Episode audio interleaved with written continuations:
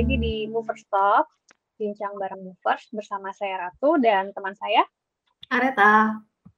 Halo, ya uh, selaku host untuk Movers Talk episode kali ini. Nah, uh, kali ini nih aku sama Areta sudah sama Kak Wilona Arieta Gatra Putri. Halo Kak. Halo, apa kabar Ratu Areta? Baik, baik. baik. Jadi Movers Areta Kak Wilona ini adalah senior learning strategist di sekolahmu. Nah, kali ini Kak Wilona akan berbagi pengalaman membangun karir sambil terus mengembangkan passion dan hobinya. Halo Kak Wilona.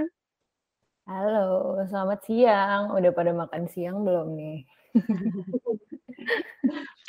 Oke, kita uh, mau ini dong, boleh dong Kak Wilona untuk perkenalkan diri lagi nih ke teman-teman movers, namanya, role, dan sudah berapa lama di sekolahmu? Oke, okay. uh, halo semuanya, uh, namaku Wilona Arieta, tapi kalau misalnya kepanjangan panggil aja Wilo. Um, aku di sekolahmu itu sekarang jadi senior learning strategist. Um, udah berapa lama? Lumayan sih, kayaknya bentar lagi dua tahun deh, bulan kayak beberapa bulan lagi dua tahunnya jadi sekitar satu setengah tahun lah gitu. Wow, udah cukup lama ya berarti ya. Iya, dari masih sepi banget timnya masih kayak sedikit. Kalau meeting tuh kayak nggak lebih dari 10 orang gitu. Kalau di divisi aku gitu sekarang sampai udah banyak banget puluh-puluh gitu. Oke. Okay. Lihat perkembangannya berarti ya kak. Hmm, hmm, cepet banget. Kak, kan kalau kita lihat nih latar belakang pendidikan Kak Wilo itu uh, dokteran gigi ya. Iya Terus, betul. Gimana sih tuh ceritanya sampai akhirnya terjun ke dunia akademik malahan? Hmm, pasti pasti ditanyanya bagian itu deh, karena sering banget kayak apa ya, uh, kok nggak nyambung gitu, terus kok nggak sayang kuliahnya, biasanya kan kayak gitu ya. Mm -hmm. Nah, oke okay, mungkin aku ceritain sedikit. Uh, agak aku persingkat aja berarti ya. Uh, jadi dulu emang kuliah uh, di FKG, di FKG UI kebetulan masuk tuh uh, tahun berapa ya? Aku angkatan 2007. Tapi aku kuliah dua eh aku kuliah 2007 tapi SMA 2006. Jadi waktu itu aku nganggur dulu setahun gitu. Nah, tapi biasa kan zaman-zaman itu tuh um, kuliah itu masih adalah faktor-faktor pilihan dari orang tua ya kan? Jadi karena kita nggak terlalu banyak eksplorasi gitu. Kalau sekarang kan uh, apa informasi udah gampang banget gitu kan di diperoleh gitu. Terus research sendiri juga bisa gitu. Jadi kalau zaman aku tuh agak terbatas gitu. Jadi ya apa ya yang kita tahu jurusan-jurusan favorit ya kalau nggak kedokteran teknik udah paling gitu-gitu aja gitu. Nggak ada eksplorasi yang lain gitu. Terus ya udah habis itu nyemplung dijalanin bisa-bisa aja sebetulnya. Jadi akhirnya waktu itu uh, lulus ngambil S1 sampai skripsi. Terus habis itu ikut koasnya juga. Waktu itu aku sempat koas hmm, di RSCM, di RSUT. RSUT itu uh, Rumah Sakit Umum Tangerang sama di uh, Puskesmas di Depok kalau nggak salah. Nah, terus cuma tengah-tengah apa namanya tengah-tengah koas akhirnya memutuskan untuk kayaknya uh, udah deh gitu. Terus akhirnya aku cabut gitu. Jadi cuma ngambil uh, S1-nya aja. Kalau FKG itu kan sama kayak FK ya jadi harus dua kali wisudanya gitu. Jadi ngambil hmm. sarjananya dulu abis itu ngambil um, kedokteran eh ngambil DR atau DRG-nya nah jadi aku DRG-nya aku nggak ngambil gitu karena di tengah-tengah internship aku cabut gitu. Nah, terus waktu itu kebetulan kenapa kok bisa uh, apa namanya ke dunia pendidikan sampai sekarang? Awalnya sih nggak sengaja gitu. Jadi dulu setelah lulus itu uh, nggak sengaja nyoba uh, beberapa tahun setelah itu uh, ngajar ngajar anak-anak apa namanya uh, SMA sama alumni untuk persiapan uh, SNM PTN ya. Dulu kalau nggak salah namanya gitu deh. Kalau ya. zamanku namanya ganti lagi. Ya tahu ya katanya. ya, nah terus habis itu eh ternyata setelah dirasain kok seneng ya gitu kayak um, share uh, kayak ngajarin sesuatu kayak misalnya menginstall sesuatu ilmu ke dalam kepala orang lain gitu sampai mereka benar-benar ngerti terus sampai mereka benar-benar kayak ngelihat ekspresi yang oh gitu jadi kayak setiap diajar ngelihat ekspresi oh yang benar-benar oh ya bukan oh bohong gitu itu tuh aku tuh dulu dulu tuh seneng gitu kayak oh berarti uh, apa ya oh, terus juga yang menarik tuh kan jadi aku juga banyak belajar dari situ. Jadi walaupun aku yang ngajar tapi uh, aku banyak belajar dari uh, murid-muridku gitu. Jadi uh, karena tiap orang itu kan uh, berbeda-beda ya. Jadi cara berkomunikasinya itu kita juga uh, sebagai guru tuh juga berbeda-beda gitu. Jadi kalau ke si A, oh ngajarnya harus dari uh, sini dulu nih step by stepnya ke si B belum tentu itu cocok nanti ke si C uh, dari mana. Nah, itu dulu dulu aku seneng aja ternyata ngulik-ngulik hal-hal kayak gitu ya. Apalagi dari pertanyaan uh, mereka gitu. Jadi banyak pertanyaan yang menarik-menarik banget gitu kayak oh ternyata kepikiran juga ya uh, bertanya tentang hal itu yang kayak gitu-gitu. Nah, terus akhirnya ya udah eh nggak terasa ngajar deh tuh. Uh, waktu itu ngajarnya TP dulu namanya apa ya? TPA kalau nggak salah, TKPA Uh, sekarang masuknya di TPS yang isinya uh, apa namanya kayak logika, psiko, eh mirip psikotes, mm, yeah. gitu ya. Ada gambar dan lain-lain itu. Nah terus akhirnya udah deh, bablas tuh ternyata seneng seneng seneng sampai uh, lumayan lama, sekitar 7 atau 8 tahunan gitu. Terus abis itu ya udah berlanjut uh, sampai sekarang. Nah cuma bedanya kalau sekarang um, aku yang ngajarin guru-guru untuk ngajar gitu.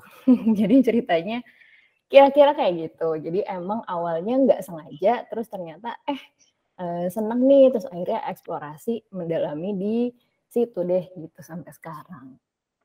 Wow, keren banget.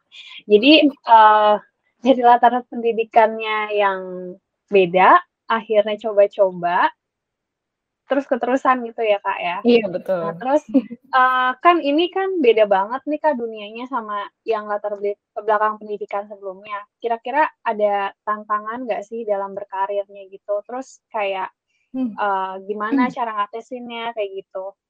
Oke okay, oke. Okay. Aku sambil minum boleh ya? Boleh boleh. Kalau tantangan pasti ada karena awal-awal nyemplung tuh pasti kan ada perasaan takut ya karena ini belum pernah dilakuin gitu apalagi kalau ngajar menurutku itu adalah hal yang sulit paling mungkin sulit banget gitu karena ya kita kalau ngasih informasi sesuatu ya harus betul akurat dan ada penjelasan yang logis tentang itu gitu. Kita nggak bisa ngajar sesuatu yang ngasal gitu kan. Jadi dulu tuh uh, awal-awal aku inget banget ya setiap mau masuk kelas aku belajar dulu. Jadi kayak kira-kira bakal ditanya apa ya gitu. Nanti aku bisa jawab nggak ya yang kayak gitu. Jadi kayak ngulik ngulik ngulik ngulik ngulik. Terus kayak ya banyak baca. Terus habis itu gimana sih cara ngajar yang enak dan lain-lain. Gimana sih supaya orang itu ngerti gitu. Jadi kita nggak cuma ngomong doang tapi benar-benar mereka tuh ngerti gitu apa yang mau kita uh, sampaikan. Nah ya udah dari situ belajar trial error. Akhirnya lama-lama ya udah uh, ya sampai sekarang ya apa ya ya udah nggak deg-degan lagi gitu kayak gitu. Nah terus nah terus pas di sekolahmu uh, awal-awal tuh aku merasanya tantangannya itu karena pas awal aku masuk tuh masih sepi banget belum ada guru sama sekali gitu loh di divisi aku gitu. Nah jadi ya mulai dari uh, cari guru satu-satu yang gitu kan. Terus nanti di training satu-satu. Itu tuh banyak banget sampai akhirnya sekarang tuh ada sekitar 22 orang lah gitu yang waktu itu sempat aku uh, training gitu kan. Nah, terus juga uh, kan mereka tuh dari apa ya? Dari wilayah yang berbeda-beda ya, nggak semuanya hmm. di nggak semuanya di Jakarta kan kalau kantor kita kan di Jakarta. Nah, itu juga agak tricky tuh karena susah untuk jelasin uh, apa ya?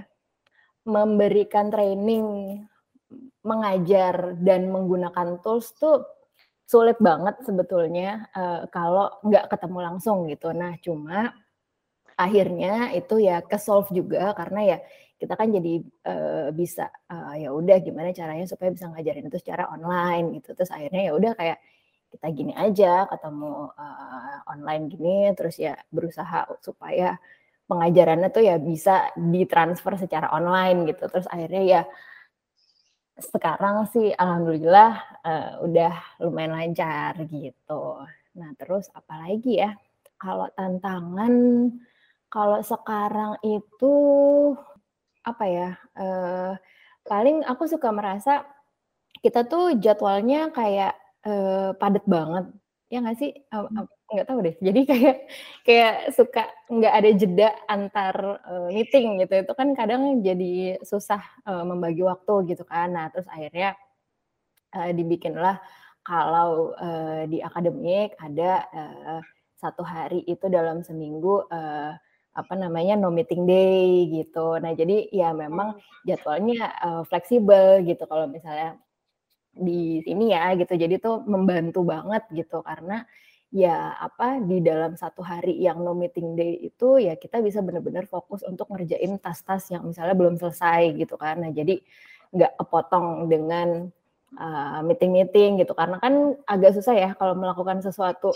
selalu multitasking gitu kan. Jadi kan uh, oh. harus fokus gitu. Uh, jadi kadang tuh kayak lagi mood ngerjain ini, aduh tapi ada jadwal uh, meeting nih misalnya jadi kepotong. Terus tadi udah sampai mana ya? Nah itu kan kadang suka miss gitu kan. Nah tapi dengan adanya no meeting day itu kalau buat aku itu sangat-sangat uh, ngebantu banget gitu dalam produktivitas gitu. Terus apalagi ya? Hmm, sama yang aku suka juga um, ini sih, uh, apa, kalau working hour, kalau di aku tuh jelas gitu jamnya. Jadi memang kalau di luar, uh, jam kerja memang, uh, udah nggak ada kegiatan, uh, meeting gitu, jadi paling ya chat-chat aja gitu. Nah itu juga jadi, uh, kehidupannya apa ya, aku merasa senang tuh karena kehidupannya jadi balance gitu. Jadi bisa melakukan, hal-hal, uh, yang lain gitu di luar, uh, kerjaan gitu sih sebetulnya. Hmm. Hal-hal di luar kerjaan itu kalau kita lihat passionnya Kak Willow tuh ada olahraga, ada traveling gitu ya Kak ya. Berarti, uh, gimana sih Kak Willow menyeimbangkan antara kerja terus melakukan hal-hal tersebut? Terus kalau boleh disuruh milih, pilih traveling atau pilih olahraga Kak? Aduh susah banget pertanyaannya. Tapi kalau aku, biasanya aku colong-colong sih. Jadi misalnya, uh, apa ya, uh, kan aku kebetulan ngajar olahraga juga online, ngajar Zumba gitu kan. Nah jadi oh. biasanya colong-colong, uh, sebelum jam kerja gitu, jadi pagi-pagi ngajar dulu, terus habis itu nanti meeting, terus, uh, ya udah gitu kan. Nah tapi biasanya sehari aku cuma ngajar, uh, 1 kali gitu. Jadi seminggu itu cuma dua kali yang satu di pagi sebelum meeting, eh sebelum hmm. masuk kerja maksudnya, terus uh, apa namanya, yang satu hari lagi itu di sore setelah jam kerja gitu. Jadi biasanya ya pinter-pinter colong-colong aja, sebenarnya gitu ya.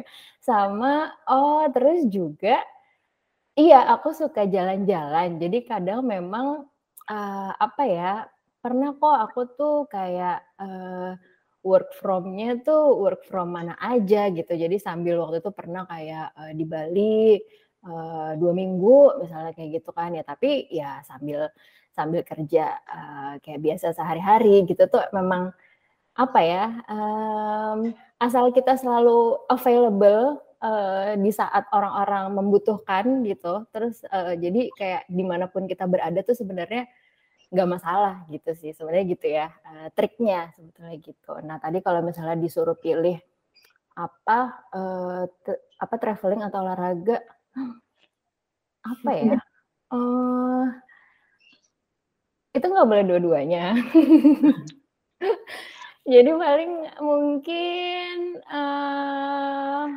nggak uh, tahu, mungkin traveling kali ya, karena jalan-jalan kan bisa sambil olahraga juga gitu mungkin ya, gitu. Sambil ya, kayak ya? Sambil. Sambil sambil.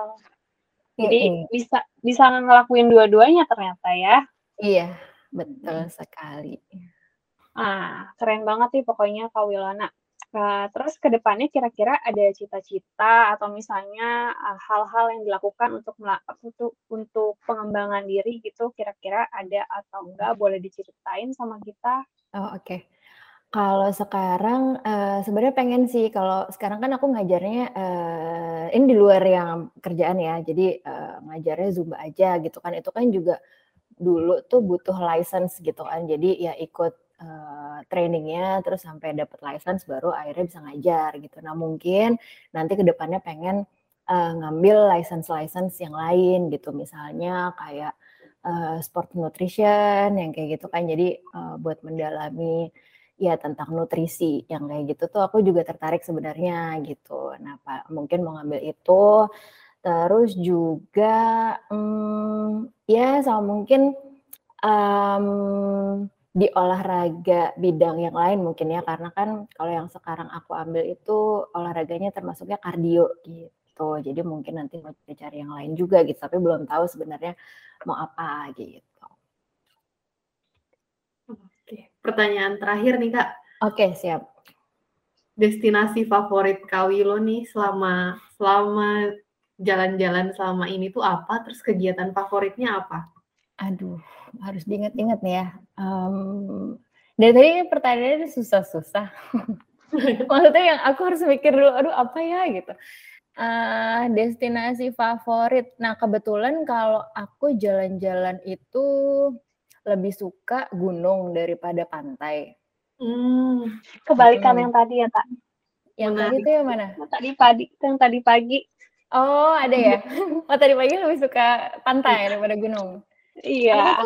Kalau di pantai nggak tahu kurang suka aja kayak kepanasan. Bahkan aku tuh kalau ke pantai suka bawa payung gitu. Jadi kurang bisa enjoy gitu. Kecuali nyelam ya kecuali nyeburnya gitu uh, uh, snorkeling atau apa gitu. Nah itu aku suka gitu. Cuma kalau misalnya yang kayak duduk-duduk di pinggir pantai apa gitu tuh aku agak kurang gitu. Nah aku lebih anak gunung gitu. Jadi emang udah beberapa kali pernah uh, naik gunung sih gitu jadi apa ya, uh, ya naik gunung juga panas, tapi sebenarnya dingin, cuma gimana ya, dia tetap ada matahari, tapi ya pokoknya aku lebih suka aja dan aku lebih suka pemandangannya. Dan semua gunung yang pernah aku cobain, hmm, itu menurutku, uh, bagus-bagus semua sih. Yang pertama tuh, nggak terlalu banyak sebenarnya, jadi pengalaman pertama kan biasanya yang gampang dulu, uh, ini Gunung Perahu sama uh, Papandayan. Terus ya. habis itu uh, itu aja udah bagus gitu kalau aku bilang. Terus kalau mau yang tinggi lagi waktu itu sempat juga ke apa namanya, um, Merbabu. Itu juga bagus banget walaupun naik turunnya agak susah, itu sampai merosot-merosot, karena waktu itu pas licin dan lain-lain gitu kan.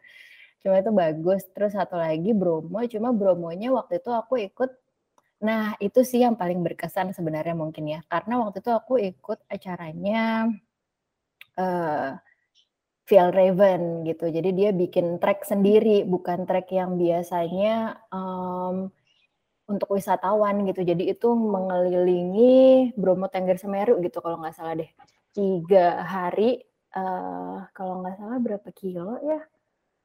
Aduh aku lupa, mungkin sehari tuh bisa sepuluhan deh. Itu tuh capek banget, parah. Oh. Cuma pemandangannya itu bener-bener yang wah itu aku bingung sih menjelaskannya. Mungkin itu tidak akan pernah berulang lagi ya, kecuali mungkin, uh, ya mengikuti kegiatan yang sama gitu kalau misalnya dibikin lagi gitu.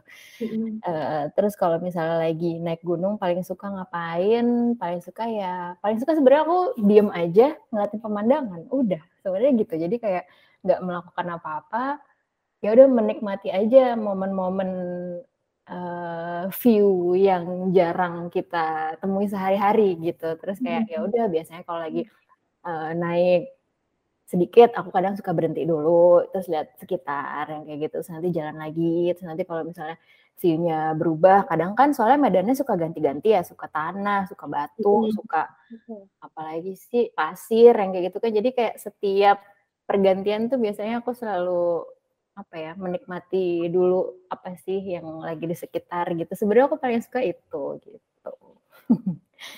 Gitu deh. Keren keren kak Nanti mungkin bisa kali ya bikin acara jalan-jalan bareng sekolahmu gitu. Iya ampun mau dong.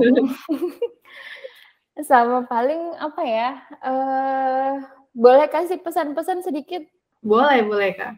Oke, jadi yang aku rasain tuh kalau menurutku, uh, kayak mungkin dari tadi kan kenapa sih kok kayak hobi atau passion atau apa kayak ganti-ganti atau kayak macam-macam tapi yang nggak terlalu nyambung satu sama lain gitu. Nah, jadi kalau aku merasanya passion atau hal yang kita sukai itu bakal, uh, terus berubah atau berkembang sesuai dengan perkembangan kita gitu. Jadi, uh, apa ya, bahkan itu bisa terjadi sepanjang hidup kita gitu. Jadi jangan pernah berhenti untuk, uh, eksplorasi gitu. Karena kan sebenarnya kita belum tentu tahu nih yang kita lakuin sekarang itu apakah emang hal yang satu-satunya kita sukain atau, uh, siapa tahu nanti ada lagi gitu. Jadi jangan pernah stop untuk eksplorasi karena kita nggak pernah tahu hal apa yang, uh, ternyata kita nantinya sukai dan siapa tahu itu bisa jadi apa ya, hmm, hobi mungkin atau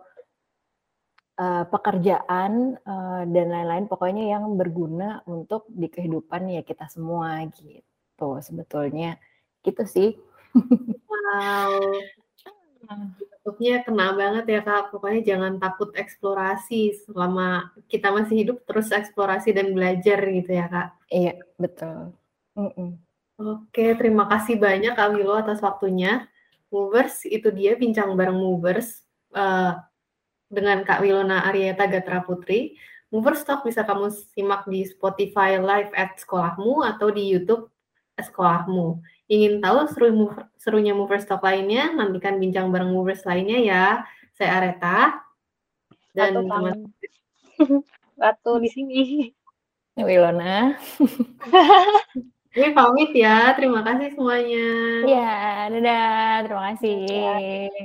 Thank you Kak Wilo. Iya, sama-sama.